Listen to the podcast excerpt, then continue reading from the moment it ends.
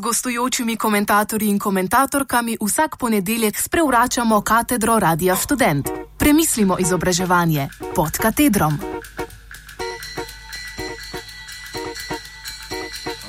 Ustavite se, vlak se ne more.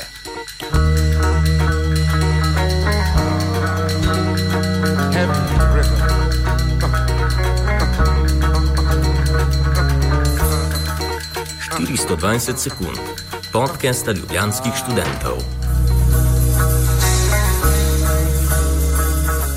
Pozdravljeni. Evo, druga nedelja, druga epizoda in kot obljubljeno sem z vami spet Lauro, študent Univerze v Ljubljani.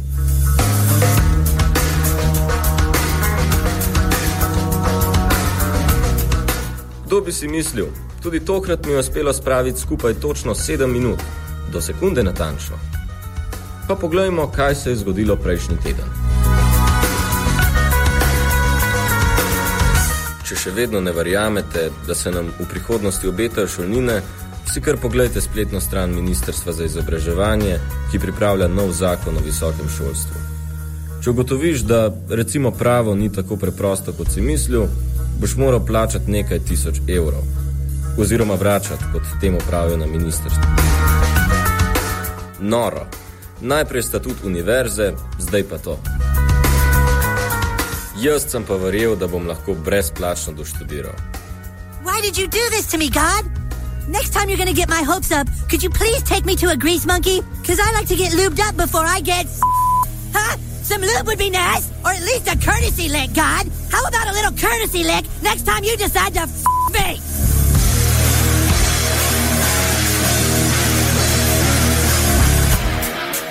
Ok, no.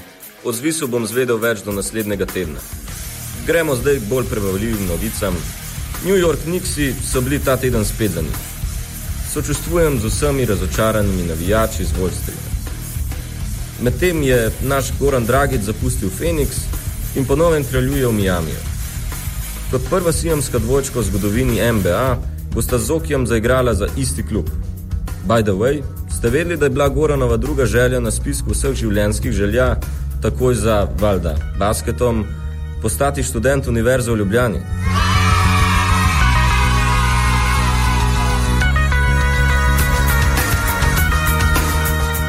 Lauro odobrava.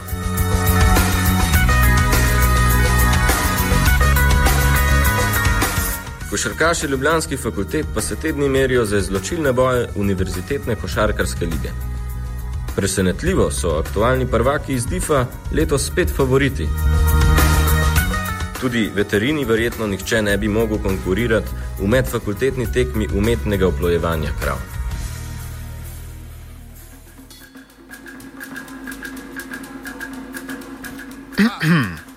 Ravno kar slišano je izsek iz podcasta 420 sekund, ki ga je prejšnjo nedeljo začela pripravljati Ljubljanska študentska organizacija za vse, ki želite v sedmih minutah izvedeti najaktualnejše novice z področja študentskega življenja.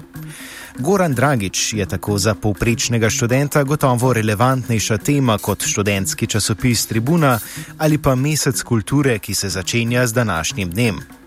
A kakor pravi opis na Facebook strani ravno kar poslušanega podcasta, je sedem minut na teden dovolj, da se zadevo že vkliče za radijsko postajo.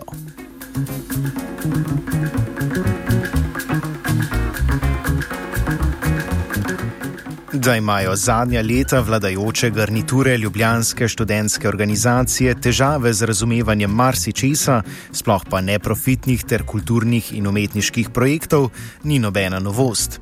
Od kluba K4 prek stalnega buzeriranja Radia Student do ukinitve šov vizije in privatizacije študentske založbe je šov dajal jasne znake pišmeuhovstva do vsega, kar ne prinaša denarja.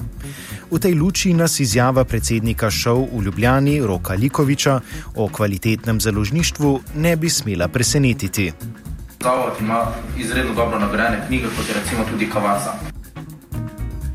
Glede na dogajanje na petkovi seji programskega sveta Tribune in današnjo potrditev Ane Pavlič na mesto nove odgovorne urednice na seji predsedstva šov, je jasno, kaj bo to vrstno odpiranje, aktualnost in približevanje medija študentom prineslo omenjenemu časopisu. Recenziranje biografij slovenskih estradnikov, ki jih izdaja privatizirana založba, bi bil v tem kontekstu skoraj da presežek.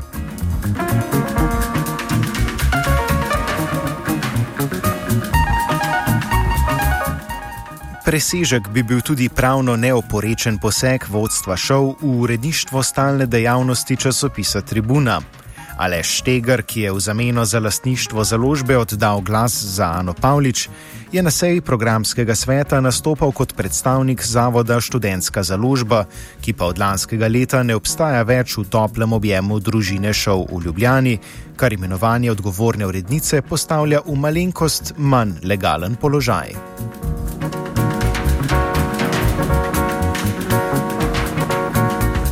Še enkrat prisluhnimo včerajšnjemu podkastu 420 sekund legendarnik. Iz daljne Švedske prihaja legenda, ki govori o polstoletnem boju študentov za svoje pravice. Davno tega, ko so bili še naši stari starši mladi, je študentska organizacija iz Gedeburga opravila zgodovinski nakup. Ena kupljena delnica lokalne pivovarne, ki jo je kasneje kupilo podjetje Karlsberg, jim je dala pravico leta 1958 prvič oditi na skupščino delničarjev in zahtevati, kar jim pripada. Vse od takrat se bije boj za izgradnjo 100-kilometrskega pivovoda do svojega kampusa. Pred leti so strasti celo tako eskalirale, da so švedski študenti v znak upora uprizorili zasedbo pivovarne. Kljub temu, da jim od leta 1968 ni uspelo izboriti niti metra več, pa dvometrski začetek pivovoda vseeno čaka kot spomenik in upa na boljše čase. No, ko smo že pri kampusu. Letos oktobra bomo tudi ljubljanski študenti dobili svoj prvi študentski kampus s čitalnico, menzo, prostori za društva, ni da ni. Ljubljanski kampus pa za razliko od švedskega ne bo stal 100 km stran od pivovarne, temveč bo kar poleg pivovarne Unije. Tako da se nam ne bo treba boriti za svoj pivovod, se bomo na pivo lahko skočili kar v njihovo pivnico.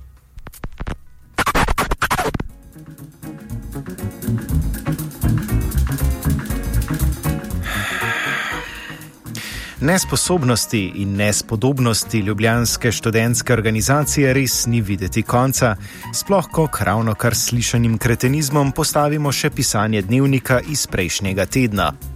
Po državnem prostorskem načrtu naj bi Tivolski lok, ki bo povezoval Gorensko in Primorsko železnico, tekel ravno čez sredino novega kampusa.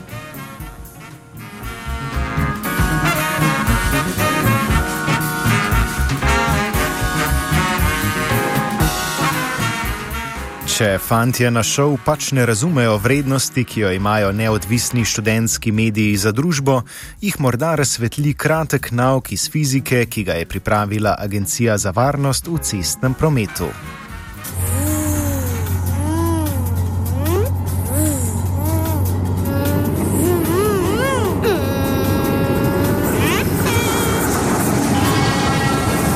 Ustavite se, vlak se ne more.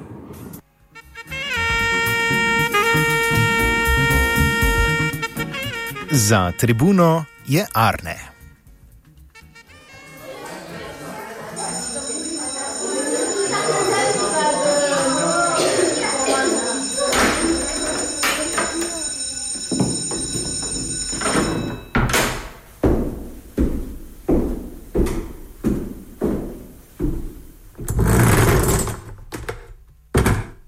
Gostujočimi komentatorji in komentatorkami vsak ponedeljek sprevračamo katedro Radia Student. Premislimo izobraževanje pod katedrom.